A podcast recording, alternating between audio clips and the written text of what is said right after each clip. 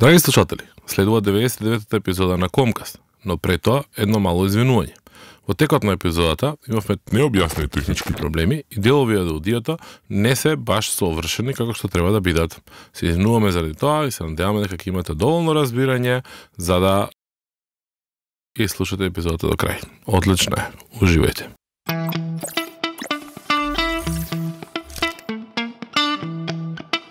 Добро утро, добар ден, добро вечер, односно здраво и добро дојдовте во 99-тото издание на Комкаст, подкастот за медиуми и маркетинг. Моето име е Дарко Болдиовски и ова веројатно е една од редките официјални добро структурирани најави.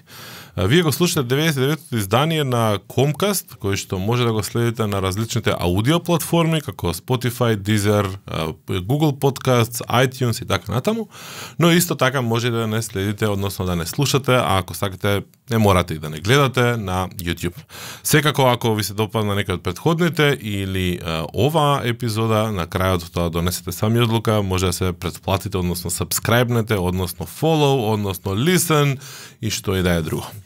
Се приближуваме ни до таа наша стотка и имавме веќе неколку предлози од вас што би можеле да направиме, нешто веќе као размислуваме, ама пошто почнува да не гази време, може на крај ќе испадне и дека ќе направиме тешка импровизација. Пролет доаѓа, многу работа, се дигна температурата надвор, не помина снегот и нормално време е за работа.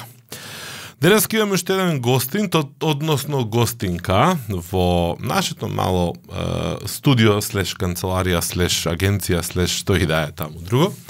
И ќе дискутираме за една за мене особено драга тема, тема во која што веројатно многу сум вложувал труд и вложуваме труд сите заедно и ја следиме и анализираме и така натаму. Зборуваме за контент маркетинг и тоа ќе зборуваме за контент маркетинг со еден контент маркетинг менеджер и контент креатор и стратегист. Читам од LinkedIn. А, на гостин е Данче Азманова од Embed Social. А, здраво Данче, добре дојде во Комкаст. Здраво Дарко, ти благодарам за поканата. Јас сум била дел од илјадници интервјуа, меѓутоа ова ми е прво гостување во подкаст и некако чувствувам голема одговорност да се прикажам себе во најдобро светло и да го пренесам моето знаење за контент маркетинг, така да ти благодарам за оваа покана. А, утешителната а, работа е дека овде сме опуштени, ова е нели малце понеформално, јас се обидувам да им направам на моите гости да им биде а, комотно и да разговараме опуштено, но притисокот доаѓа тоа што ова нема голема публика, ама има стручна публика која што и те како знае да цени тоа што добро, така се тешиме, нели? Така. А, Данче, нели обично му вегала мајде представи се само себе, јас веќе кажав некои делови за тебе, а, учам од другите подкастери кои што се ги најуваат гостите па на крај викаат ај сега ти уште нешто плюс доти. Беше новинар, а, во телевизија последно, колку што јас успеав да сватам, не знам дали предходно имало и некој друг медиум, ќе си кажеш самата, и а, пред некое време а, се одлучи да го промениш светот. Ајде малце за таа та прва фаза, малце кажи ни која си, што си, што правеше и како стигна во оваа фаза што си денеска. Така, значи за сите оние што ме познаваат, знаат дека од мојата 19 година јас бев новинар, работев како новинар, новинар во радио, во вестник, на телевизија, на вебсайти и така натаму. И јас планирав цел живот да бидам новинар. Планирав, нели, да сум еден од најдобрите новинари у Македонија, па после да бидам уредник на вести, па да бидам собственик на телевизија, па да отворам повеќе телевизии во земјава, па после да се проширам и на Балканот, па некоја агенција телевизиска да отворам, имав многу големи планови за мене и стигнав до тоа да бидам презентер на вести. И така бев избрана како талентиран новинар од Америчката амбасада да идам на едно студиско патување во Америка, каде што би студирала на најстари, најстариот универзитет во Америка за новинарство, тој во Мисури, исто така, паралелно, и да работам во Life 5 News, една од најпопуларните телевизии во Америка, и тоа беше огромно искуство за мене, возбудата беше огромна, таму покривав теми за урагани, тајфуни, вау. И се стекнав со многу знаења, многу вештини, многу иновации, многу идеи. И кога се вратив во Македонија, бев огромен ентузијаст и кажав, се враќам, доаѓам, се ке пренесам што знам, ќе се смени новинарството во Македонија, се ќе биде подобро. И така си дојдов и клавирот ме тресна врз глава. Како во цртаните филмови, реалноста ме тресна по глава И најдов на уредници кои што ми кажува, ха-ха, Данче, а бајда не се зафаркава, значи ова Македонија, не Америка, не се прават тие работи така. Или пак некои ми кажува, Данча, окей, ти си идеите, ама за 10 години може да ги имаме во обзир. Други пак само се смеја, ха. И тоа беше многу, некако тажно беше за мене, бидејќи јас многу вложував во моите вештини знаења за да најдам на ваква реакција. Имав два избори. Или да се помирам дека новинарството во Македонија такво е какво што е, така малце заостанато за разлика од другите делови од светот и да се помирам со тоа дека ќе бидам просечен новинар или да сменам нешто. Така да штом денеска сум овде, сум сменила нешто очигледно. Се запишав на Академијата за дигитален маркетинг во Брейнстар и сметам дека тоа е една од моите најдобри кариерни одлуки што ги имам направено. И окей, завршив академија, дур, дур моите колеги спрема вести, пушат цигари на пауза, јас креирав дигитални маркетинг стратегии, бидејќи имавме многу, многу домашно. И сега завршив академија. Поентата беше кој ќе ми даде шанса, е уште сум нова во ова, немам никакво искуство. Меѓутоа, за среќа, постојано сум среќавала луѓе што го препознавале мојот потенцијал. Така да отидов во една холандиска компанија и таму веднаш го препознаа мојот потенцијал и веднаш ме насочија кон контент маркетингот, бидејќи свати, окей, данче, малце со анализа, не се бидова баш со бројки. Слабо, меѓутоа со зборови девојчата добро се владе. И уште првиот месец ме насочи, многу ми е драго и многу сум им благодарна за тоа што се случи, така да ете ме денес контент маркетер, контент менеджер. а, добро, фрлеме, фрламе, значи, котва, односно, фрламе камен, не котва на, на, на медиумите и на новинарската да кариера. Сега веќе не ни гледаш назад, немаш ни аспирации дека ќе направиш брдо пари со конт, контент маркетер и ќе ги вложиш во твојот она, медиум од ништата. сваќаш дека тоа нема да се случи. А, кој беше да речеме ајде пишан збор ти оди? Тоа да речеме во некоја во некои услови е, логично да се претпостави дека е предуслов основен за да можеш да станеш е, контент маркетер. Како изгледаше тој пресврт? Значи како изгледаше тоа таа трансформација во во размислувањето во пристапот во комуникацијата кога требаше од едниот во другиот свет да се да се префанеш? Кои работи можеш да ги земеш како научени и позитивни корисни кои работи требаше накако да седнеш и како со глава у да удираш и да кажеш не данче вака, вака требало или слично. Така, па, реално контент маркетингот и новинарството имаат многу блиски точки. Еве, например, прашување прашања до корисници со цел да извлечеш корисни информации што ти треба да ги напишеш за блогот. Ја тоа го правев скоро десетина години извлекував прашања од моите соговорници за истите да ги искористам во прилог. Истото го правам сега и во контент маркетингот и тоа е една вештина што гледам дека многу се поврзува и во двете професии. А она што ми беше така потешко беше стратегија да правам. Бидејќи во телевизија имаш уредник што ти кажува тоа, тоа, тоа и тоа го направи. Се не стигнав јас да бидам главен уредник за да правам стратегија. Меѓутоа тоа беше таа нишката што ми беше неспојлива, да правам стратегија, јас не размислував на месечно ниво, туку јас идам на работа, тој ден ми дава, тоа го правиш, утре идеш на работа, тоа го правиш. И сега се наоѓам во ситуација да треба да размислувам за цел квартал однапред. И тоа е многу челенджинг, бидејќи те тера тој визионерот во себе да го од, од, отклучиш, да видиш што би функционирало еве за 4 месеци, бидејќи баш во маркетингот, она што денес функционира, може утре нема да функционира, камали за 4 месеци. Така да на тој дел наидов малце на предизвик, меѓутоа ете имам добри ментори што ме насочуваат и мислам дека веќе го совршив тој дел. Штом стигнав еве до оваа позиција. Ако оваа позиција е нели позицијата која што ја држиш сега во Embed Social, а не оваа позиција дека ти си гостин во Комкас, тогаш ми е драго. Да. Добро, кој кој да речеме сега дел од пошто контент маркетинг е една многу широка широка палеза на на на работи кои што може да се креираат и се креираат. Предпоставувам дека пишаниот дел ти сега за сега ти е основата во во тоа. Како изгледа како изгледа еве тој еден таков стратегиски план што го правиш сега во во компанијата во која што работиш или во другите во кои што претходно си работела. Колку долго ја правиш таа стратегија? Кои се дефинираните цели на таа контент маркетинг стратегија? Дали ти ги добиваш од своите предпоставени од не знам бизнис одделението од маркетинг директори и така натаму. Како контент маркетингот е вклопен во целиот маркетинг и во целиот бизнис во кој што функционираш? Супер. Е па вака првино мораме да кажеме дека контент маркетингот е начин на кој што преку комуникација се обидуваш ти да му помогнеш на еден потрошувач да направи одлука, односно да го избере твојот бизнис. И фокусот е ставен на помагање, а не на агресивно рекламирање. И тоа секогаш го имам на ум кога пишувам, а во врска со стратегија најчесто ми помагале моите колеги од маркетинг, меѓутоа веќе почнувам и сама да правам стратегијата и се се сведува на тоа да знаеш кои ти се потрошувачи.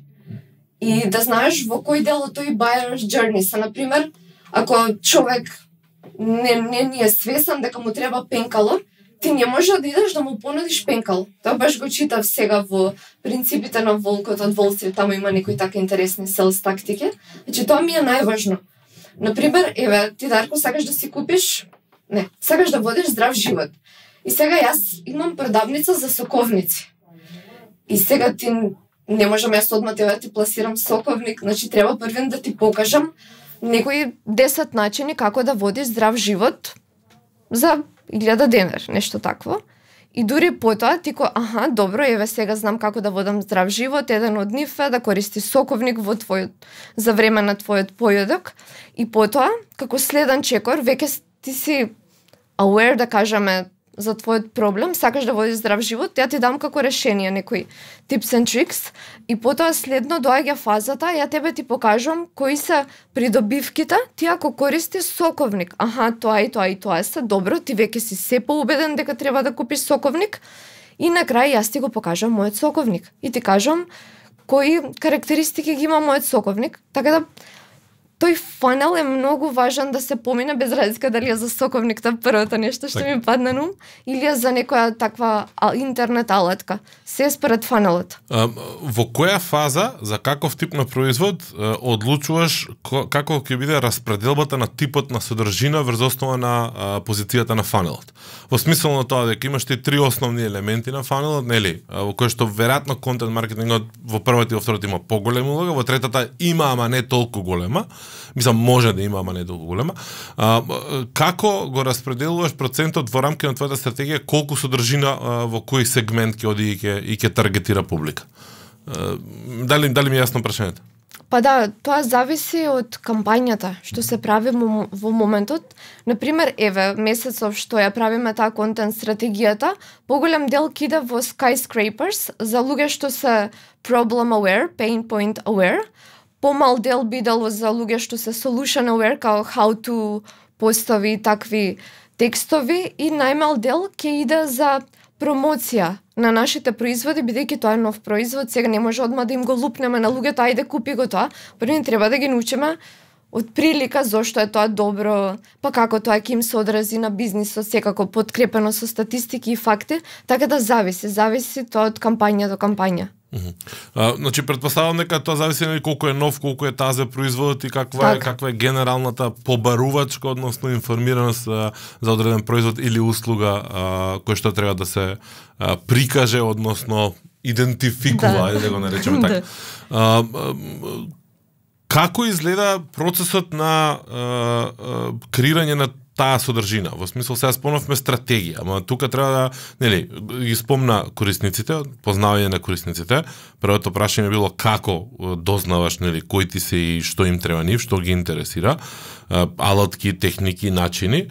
Второто е било, нели, одлучуваш содржина, треба да ја напишеш содржината, а треба да видиш дали е да измериш дали е добра или не е добра и треба да ја дистрибуираш тоа содржината. Ајде да почнеме поред. Ајде, супер. Како ја знаеш што бараат корисниците? Па си имаш Google Console, Google Analytics, имаш опција да ги прашаш самите корисници што всушност ја сакаат да читат. Имаш опција дечките што ти се од Customer Success тимот да ги прашаш што всушност ги прашуваат нив клиентите И едно од моите омилени начини се форумите, како Quora и Reddit. Јас сум голем фан на Quora. Некогаш ме банираат бидејќи многу постирам. Меѓутоа не им корисни или промотивни работи? Зашто банираат? Корисни работи, меѓутоа стам многу линкови. И не сум лута. Океј. На Reddit не сум баш голем фан, затоа целиот мој фокус го фокусирам на Quora. Од таму во главно наоѓам. Така идеи што би сакале потрошувачите што барат, исто така се консултирам и со маркетери. Мои колеги да видам што нивните потрошувачи барат, може ќе најдеме некоја заедничка точка. Е сега кога знам што барат, одлучуваме каков пост ќе креираме. Откако сме одлучиле каков пост ќе креираме, собираме информации. Истражувањето е многу важен дел од контент маркетингот, бидејќи секоја содржина не ти е добра содржина и секој што пише блогови не е контент маркетинг, особено тие со кликбейт наслови. Така да се прави. Ќе стигнеме до таму. Да, супер. се прави едно огромно истражување, 2-3 часа истражуваш на темата, гледаш што пишат другите, што пишувале твоите конкуренти и се ставаш во чевлите на потрошувачот. Мене тоа ми е многу лесно, бидејќи на времето бев во драмска секција, нонстоп имав такви различни улоги. Не знам тоа колку е релевантно, но мене ми помага да се ставам во чевлите на тој потрошувач и гледам што би му помогнало. И од прилика пишувам нешто и потоа нели имаш проверка од тој што е главен на маркетинг од колегите, чисто да ти дадат некој фидбек, вака пообјективно и тоа ми исто така важно. Не се лутам на фидбеци, порано се лутав многу, мислев дека ми кажува дека не ми чини текстот, меѓутоа не, не се лутам повеќе, бидејќи знам дека е за моје добро, секој фидбек е за моје добро. И сега стига моментот кога треба да го објавиш текстот, да го дистрибуираш. Во Embed Social, обично ние не користиме баш социјални медиуми за дистрибуција, повеќе истите ги користиме за да промовираме некоја наша алатка што сме извадиле на пазарот, туку повеќе ако имаме дистрибуција со беклинкс на начин на кој што ќе се поврзаме со маркетери што пишуваат за иста содржина и ќе им пишеме дечки имаме ние таков и таков блог, ако сметате дека е релевантен, слободно додајте го кај вас во блогот и кога ќе го видат нашиот домен рейтинг, да, додаваат бидејќи сакат тој се джусот да се аплицира и кај нив. Така да углавно на тоа се сведува дистрибуцијата и се сведува на добро оптимизирани содржини. Тоа ни е најважно. Бидејќи без разлика можам да напишам 10 страни фантастичен блог, И ако не го оптимизирам, никој никогаш нема да го прочита. Кога велиш добро оптимизирани содржини, што точно мислиш ајде на тоа? Дај дај ми некој хинт онака, некој некој tips and tricks како се оптимизира всушност содржина. Како се оптимизира содржина? Правиш добар ресерч на твојот keyword, на пример, ако сакаш да се позиционираш за Google Reviews, и сега обично ние користиме алатката Ahrefs, Идам таму, пишувам Google Reviews во search fieldот, гледам кои ми се конкуренти, гледам тие како пишуваат, каква структура користат на блогот и гледам како да бидам подобро од нив. Како да идам тој екстра майл, на пример, они ако напишале 3-4 секција, додавам уште некоја као best practices, examples, и секогаш гледам да ги надминам со контентот, меѓутоа не е само контентот, за да бидеш прв на Google, ти треба да имаш беклинкс, луѓе што ќе линкуваат до тебе, и токму овој outreach за тоа помага. Ова што ми го пишуваш е SEO. Uh, и мислам добар дел е, е SEO. Да, да. Uh, кој, значи еден куп различни вештини ми наброја, uh, кои што се маркетинг вештини, кои што јас по секоја цена знам дека секој маркетер дигитален мора да ги знае, ако ништо друго барем некој 30 на 40% не не не комплетно. Uh, А, меѓутоа, како изгледа тимот цел со кој што работиш? Во смисла на тоа, дали има посебен SEO човек во тимот кој што ти дава други дополнителни податоци, информации, на кој што можеш да се подпреш за некои анализи, или едноставно ти веруваш во идејата дека мораш ти сам како контент маркетер да ги разбираш и да си ги правиш овие работи, пошто не знаеш што се можеш да пропуштиш ако не ги направиш сам. Па, контентот е многу тимска работа. Заедно се прави брейнсторминг за keyword, заедно се прави брейнсторминг за каков контент се пишува. Така да, некако сите сме заедно во ова. Иако може ја денеска го пишувам текстот, утре моја колешка го пишува текстот, па јас си давам предлог keywords, па она ми дава мене. Така да тимска работа е. Ова индивидуално не се прави. А, кај оптимизацијата така ќе те вратам уште еднаш, пошто не сум задоволен. Само една работа ми каже, околу, околу екстра работи кои што ги нема конкуренцијата. А, денеска сме сведоци на накви текстови кои што се предолги, кои што се над 800-900 зборови, 1000 и кусур, 1700 а, текстови кои што а, имаат оние содржина напред, текстови кои што имаат бројки па само се апдейтираат цело време. Значи разноразни техники има кои што се као секој месец, ако не и почесто апдейтираат што е сега ин, што сакал Google, што сакал не знам овој, што сакал оној. Колку е исклучително важно да го следиш тој технички дел во времето, а колку е важно да се фокусираш на добра содржина а, и да веруваш дека нели ќе стигне таа кај што треба да стигне. Па не е поента да само да веруваш. Треба бројките да ти покажат дали уствари ти е окей содржината. Инаку јас сум љубител на долги блогови, јас обожавам да пишувам, ке се заборавам. Се заборавам буквално по 3-4 сати губам осад за време, така да сметам дека е подеднакво важно и форматот, бидејќи еве Google сака bullet list, сака видеа, сака слики да види. И тоа важно е форматот, сака хединзите да ги види, сака да имаш секоја слика да пишува за што е сликата уствари. Тие се како се од tips and tricks за Google да те позиционира повисоко.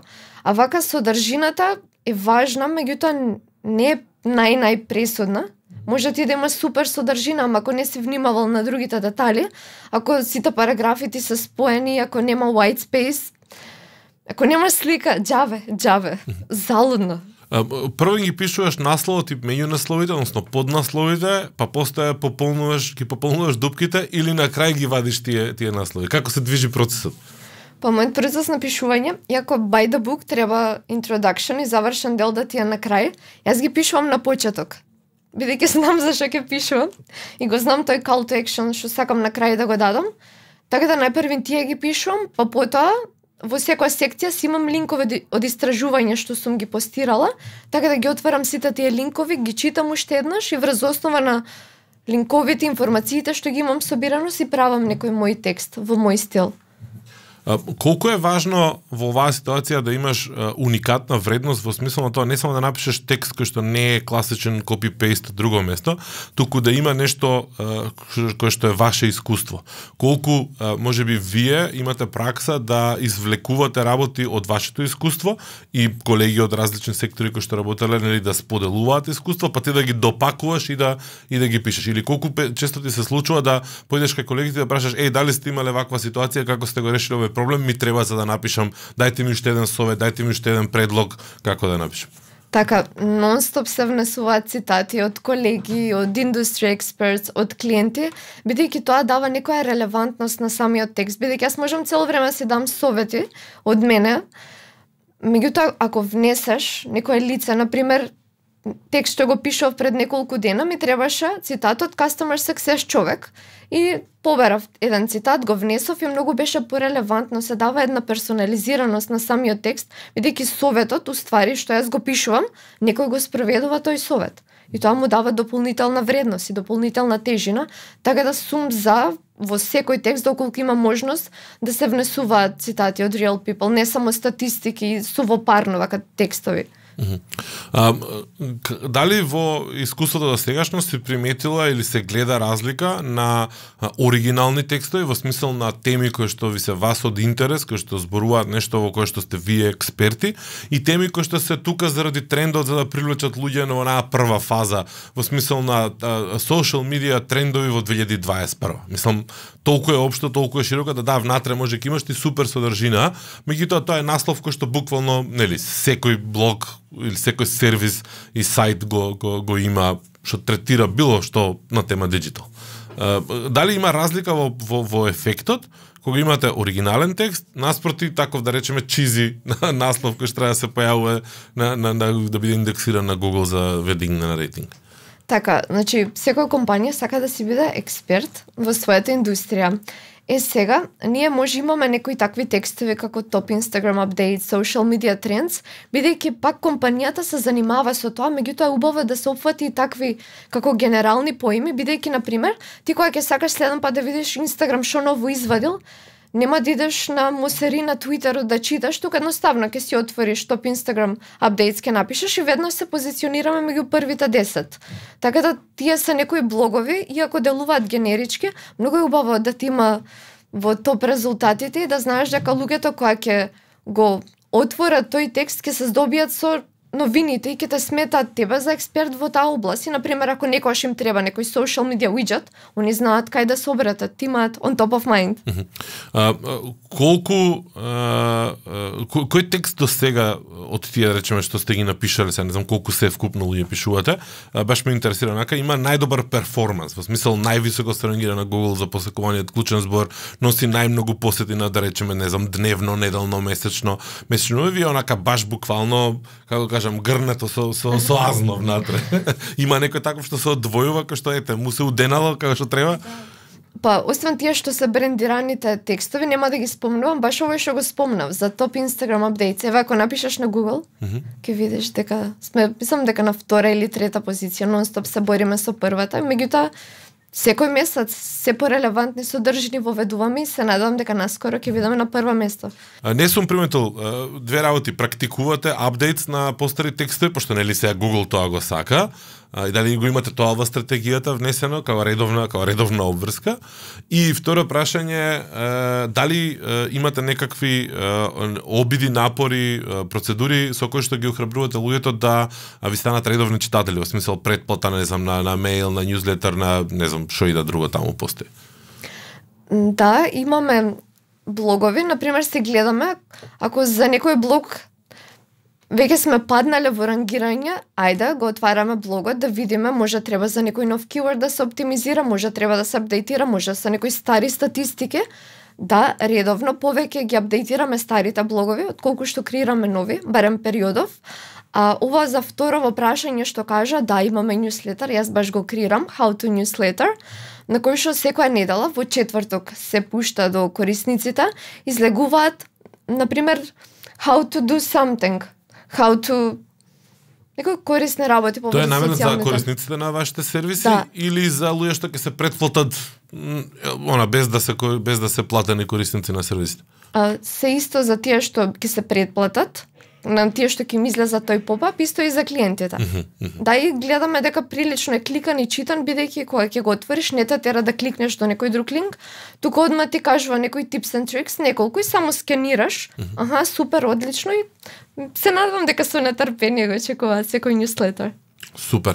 А, и сега би требало да отвориме уште еден дел од муабетот. Mm -hmm. А, муабет кој што малце го, го, го, го, го зачнав, а тоа е перформанс, односно мерење на, на успешност. Значи, а, спомна две работи, значи спомна а, и втора побитна работа кога ја отвараме оваа тема, спомна call to action. Значи, како изгледа тој процес на дефинирање на call to action? Дали секоја една објава мора да има call to action на крај? Како изгледа? Дали е директно поврзана со бизнисот? а, или може би е може би subscribe на newsletter и така натаму, а, или не знам, може би free demo или бла бла бла, не е важно. Колку секоја објава мора да има дел од тоа што вие го нудите или не мора да има? А, и нормално постоја ќе отворам нова серија на прашања како мерите ефект во поглед на продажба директно од контент маркетинг. Така, не мора да има. Call to action, секој блог, бидејќи тоа ми е некој многу агресивно, Целта ни е да им помогнеме на луѓето што го читаат блогот, не да ги натераме да купат нешто. Значи, они ако, оке, им се допаѓа тоа што го пишуваме, па ќе прочитат нешто, па ќе по... прочитат трето и тогаш може на тие што се под специфичните блогови поврзани со продуктот да се стави call to action, инако не. Не е call to action за секој блог што го пишуваш, дефинитивно. А, како изгледа нели процесот на мерење на ефективност, односно улогата на, на, на блогот и на содржините таму врз основа на продажба, перформанс на, на, на целиот бизнес? Како е тој баланс? Како го мерите тој, тој момент? Па нас најважно ни е, например, на многу луѓе има важно колку луѓе им го прочитале блогот, колку subscribers имали или слично, меѓутоа она што во Embed Social најмногу се цени се конверзиите, бидејќи може илјада луѓе ти го прочитале блогот, но ако денеска не добиеш ниту еден муштерија, not worth it. Mm -hmm. Така да конверзијата е ставена на пиедестал. Дали тоа значи дека очекувањата се за некои од текстовите или за сите текстови дека не нивната цел е од прва на прва да го фатат корисникот и да го внесат во некој фри демо момент или мислам да реализира некоја конверзија или викате окей може да биде returning, може да е втор пат, трет пат или така натаму. Кој кое е основното очекување? Основното очекување е да стекнат доверба во нас, во она не во она што ние го нудиме, туку во нас како експерти за тоа поле и да се навраќаат постојано на нашите текстови, па потоа кога ќе сватат дека имаат потреба, кога ќе стигнат до тој дел од фанелот, ние да им излеземе во глава. За токму нас да не изберат нашиот производ. Колкав дел од, да речеме, маркетинг напорите за промоција и, и, и продажба на Embed Social всушност отпаѓа на контент маркетинг. Што друго работи Embed Social, освен контент маркетинг, за да донесе купувачи? Па моментално напорите, тоест во изминативе неколку години се фокусирани на тоа на органски продажби, самиот контент да продава. Затоа и толку многу фокусот ни е свртен кон SEO, меѓутоа како што знам, наскоро се планира да има и sales person кој што ќе помогне да се зголемат тие продажби, меѓутоа и самиот контент многу конвертира. Еве јас сум љубител на статистики и како што читам, вика дека контент маркетингот маркетингот конвертира 6 пати повеќе од колку што е paid ads и слично и дека луѓето на пример читаат од 5 до 10 објави од еден бренд пред да одлучат да купат.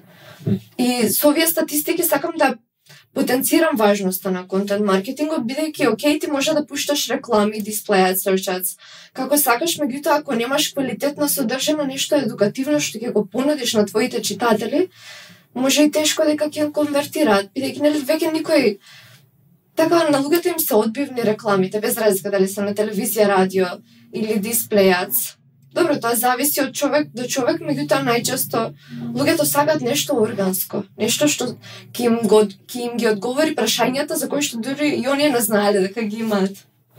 Uh, дали ви се случува, тебе ти се случило онака некој да толку многу е задоволен дека си му решил проблемот да онака ти пише или ви пише директно е ова е тоа што го барав, Господа те благослови и слично во смисол на тоа свака час не ми треба сега да призват, ама прва прилика, нели, ќе ќе дајам и ќе земам пошто ова е тоа што мислам баш буквално искрено а, а, искрен фидбек од корисник да да директно на содржината да добиваш. Да, јас на LinkedIn обично добивам вака фидбек од читатели, меѓутоа тимот на Customer Success, тимот директна комуникација со клиенти и потенцијални клиенти, така да добиваат многу добри ревјуа. Mm -hmm. Негде околу 9, 94.6 имаше некои просеци за колку ти успешен customer success тимот и мислам не 99 точка нешто беше. Mm -hmm. Добро, вие услугите што ги нудите се во во customer success делот, во ревјуа, во виджет и така так, кои што так, се да. од таму тргна, нели, да, приказката да, со да, Google reviews да. и со слично, а, да можеш да ги ставаш на различни места, мислам многу добро следам и знам како изгледа што прави Med Social, така да во, во една во едно во на едно ниво е срамота да задоволството на вашите корисници. Да, да. А, нели не биде не биде на тоа ниво. А, супер, дали и како може да направиме поврзување паралела, бројка, процент, статистика да блогот и содржината на блогот влијаат на overall позиционирањето на Embed Social како домен во поглед на SEO, правимо.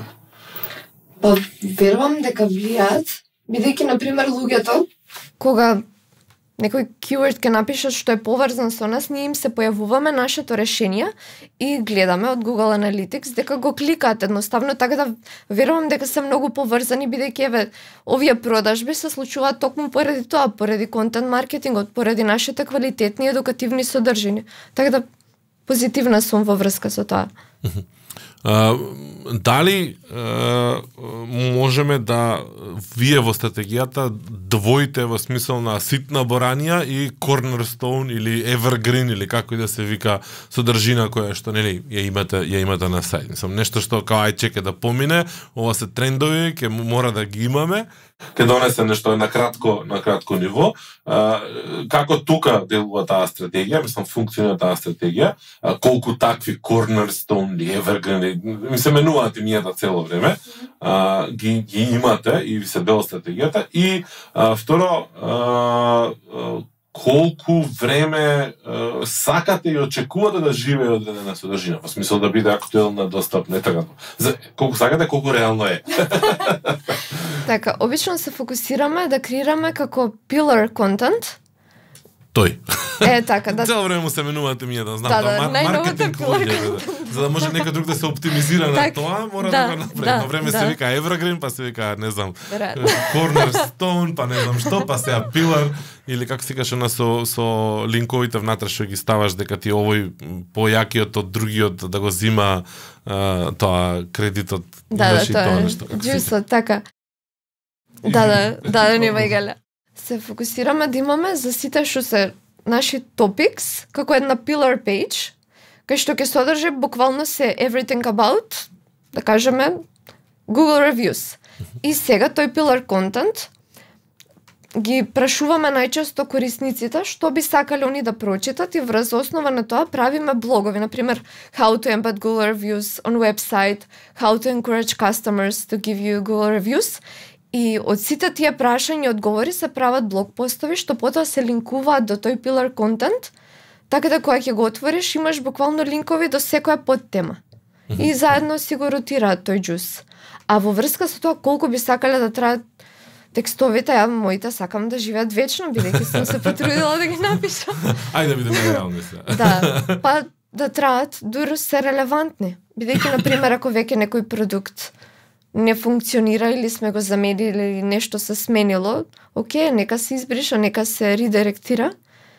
Меѓутоа, колку што знам, мој блог, пошто сум го напишала до сега, има над 500 што ги имам напишано, и на македонски на англиски јазик, не е избришан. И така. А, имам уште две прашања и ќе почнеме да приведуваме кон крај, за да бидеме малце во постегната форма. така. А, првото прашање е, ти вети да дека ќе те прашам за насловите, и за кликбейт насловите, а ја избегнавме таа тема кога, кога зборовме за tips, tricks, mix. Значи, неколку пати повторуваш how to, how to, how to. Да. Што е кликбейт наслов? Што е тенката граница на фер кликбейт наслов, а тенката граница на нефер кликбейт наслов? Колку а, си тестирате во дадена ситуација на чекај ќе ставам ваков наслов, ќе ставам таков наслов, за да видам како ќе помине содржината различно врз основа на, на тоа. Сум, знам дека е клучен, не, не може да не е, ама ајде да го чуем вашето или твоето искуство.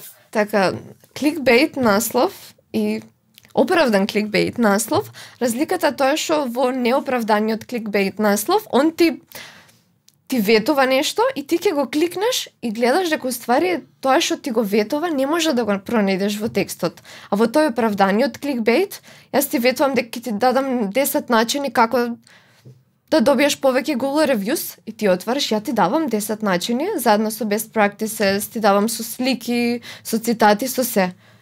Тенка е границата, меѓутоа тоа само треба да кликнеш да видиш дали е реален или дали е неоправдан кликбейт. А ги има многу такви, многу, многу.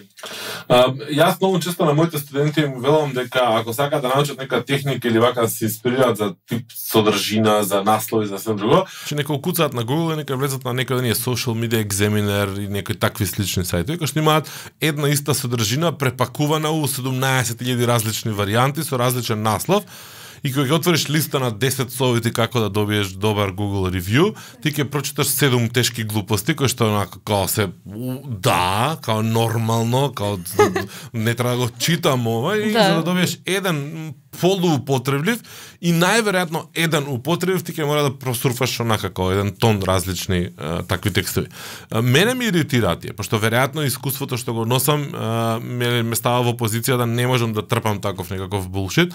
А, а еден куп такви сајтови имаат милиарда такви работи кои што буквално што е и јас сум проблем тука или едноставно тоа публиката го сака па цело време они ги вртат во круг пошто гледаат дека им бркаат работа.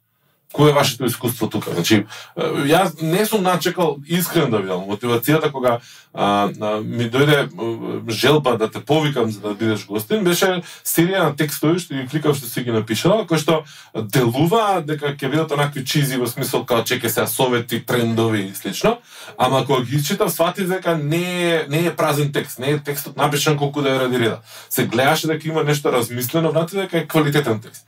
И кога тоа го добиваш ти на ниво на, на, на бренд, бренд, он од бренд текст, а не од некој што нели као е експерт, струка, ваква, така не сам далеко тоа дека луѓето што работат брендови не се експерти, него има тотално друга цел.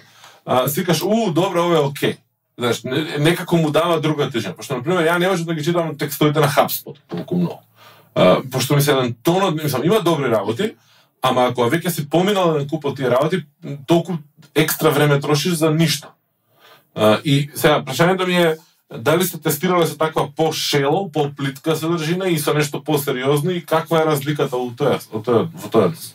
Па тоа е многу субјективно, бидејќи, на пример, ти која ќе изгуглаш за некоја тема, ти може да знаеш 90% од работите, ама има некој човек што хапспот текстовите му се алелуја. Значи, се му кажува целата основа му ја дава, така да тоа е многу субјективно и според твоите аналитики ти ќе можеш да видиш дали тоа што го пишуваш сакаат да го читаат читателите или не сакаат и овде bounce rate игра огромна улога, барем мене тоа ми е многу важно да видам дали она што јас го пишувам резонира со публиката што го чита или сум многу досадна. Ама за сега гледам дека резонира и тоа. Нека го ме храни. Кај ти трешхолдот за bounce rate? Значи колку треба да се качи за да кажеш кога дигаме црвено знаменце ова не чинел? Па, што знам помалце од 5-6 секунди. Mm -hmm бидејќи текстовите што ги пишувам се долги илјада, две илјади зборови, што 5 секунди само ми го погледнал блогот, очигледно само стигнал до table of content, не скрол надолу, кај што е интересно, кај што е акцијата, и тоа би било аларм за мене. Меѓутоа гледам дека прилично ми се читани блоговите и тоа ме радва бидејќи уствари јас и пласирам на публиката она што сака да го чита, она што и помага за која што е заинтересирана. Дали да сега си имала желба да пишеш некоја тема, ама бизнисот нема интерес за тоа и едноставно немало согласност од тимот да као е, оваа тема е окей, добра, ама не е за кај нас. Сум се че то пева ти што сакаш, ама не не интересира нас тоа. Колку тука имаш слобода во смисол да стварно ете си испуштиш душа во некој стат. Да. Па јас имам слобода да препорачувам теми, меѓутоа ако не се во согласност со стратегијата, не се пишуваат бидејќи кате секојаш ни веле не пишувај на памет. Значи тоа што го пишуваш треба да дел од стратегија за да има некаков ефект, а вака некој рандом постави нема да постигнат никаква поента. Јас може така душичката ќе ми се наполни, ама тоа никаков импакт нема да има на бизнисот. Така да веќе научив да размислам во рамки на таа стратегија, што треба е да напишам за да исполниме некоја цел? Uh, Okay. Uh, ајде да завршиме. Некако. Не сум смислил како. Да видам, чекај, може би Uh, иначе Cornerstone uh, контент е тоа што се обидов да ти го кажам, го спомнав неколку пати, ама да. Uh, да се вратиме на почеток. Значи, крајот да не биде почеток. Uh, Те слушам како зборуваш, термини, маркетинг, алатки, чуда, врагови, топ. Колку време ти требаше за да стигнеш до оваа фаза? Од новинар до оваа фаза сега што ја слушаме? До маркетер? па, негде околу 6 месеци ми беше тој период кај што бев изваден од кожа, надвор од комфорт зона, не знам кај сум, што правам, да не ја утнав многу животот, па да се вратам назад, идам напред, 6 месеци ми треба. и сега се чувствуваш комотно во сите овие фанели, во Ahrefs, во SEO, во контент, во backlinks, во она уште милиарда други ствари што ги call to action и click to rate и bounce rate и сега се чувствуваш комотно. Мисла, те гледам како зборуваш и тоа ти е пона. Се, се гледа дека а, имаш пасија за, за, за тоа. Да, да, се чувствувам прилично комотно, бидејќи уште почетокот, уште кога почнав со контент маркетинг, имав супер ментори, што само те насочуваат, ти даваат можност те даваат насоки, те менторираат за ти секој ден како што одминува да бидеш подобар маркетер. И токму тоа нешто што го прават во Embed Social, као не притискаат за да бидеме подобри секој ден и да излеземе од тој што е македонски мајндсет, да не сме како први у село, да кажам. Аха. Да. Супер. Е, Данче, јас стварно уживав у Муабетов и ќе упатим еден голем поздрав до екипата на Embed Social. Луѓе кои што изминатите години во историјата на Комкаст редовно биле дел од ова, да речеме, емисија. Не знам дали знаеш, меѓутоа и Ката и, и Никола биле дел овде. Мене многу ми радува што ете ти успеа да направат одлична транзиција и да изградат супер тим кој што со оваа пасија што имаш ти јадат и, и глизат напред.